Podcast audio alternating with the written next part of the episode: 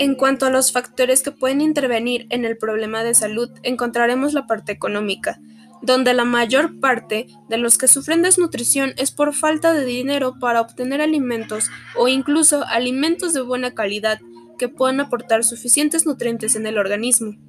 Según la Agenda 2030, específicamente en el objetivo 2, que es hambre cero, nos dice que existían alrededor de 135 millones de personas que padecen un hambre severa.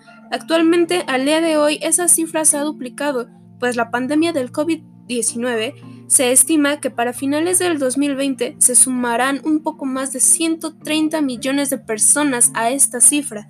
La agenda nos habla de que para llevar a cabo un cambio de sistema agroalimentario mundial, en donde se podría alimentar a más de 22 millones de personas, que padecen hambre. Para esto es necesario el aumento en la productividad agrícola.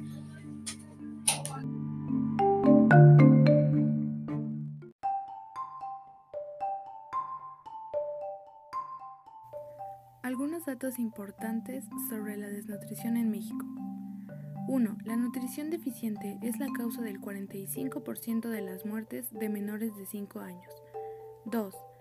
Uno de cada seis niños y niñas, aproximadamente en 100 millones, en los países en desarrollo presentan peso inferior al normal. 3.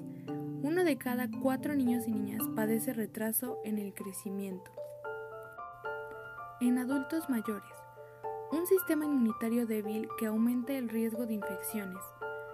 Recuperación incorrecta de las heridas debilidad muscular y disminución de la masa ósea, lo cual puede causar caídas y fracturas, mayor riesgo de hospitalización, un mayor riesgo de muerte.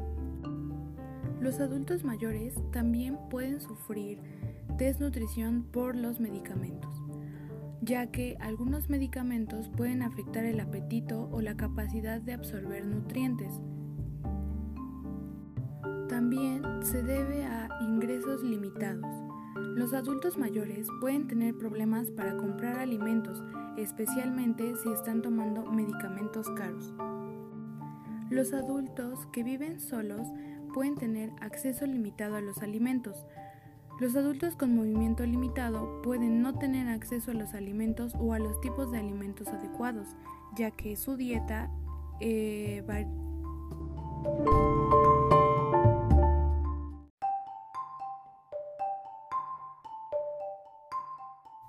varía por las dietas restringidas.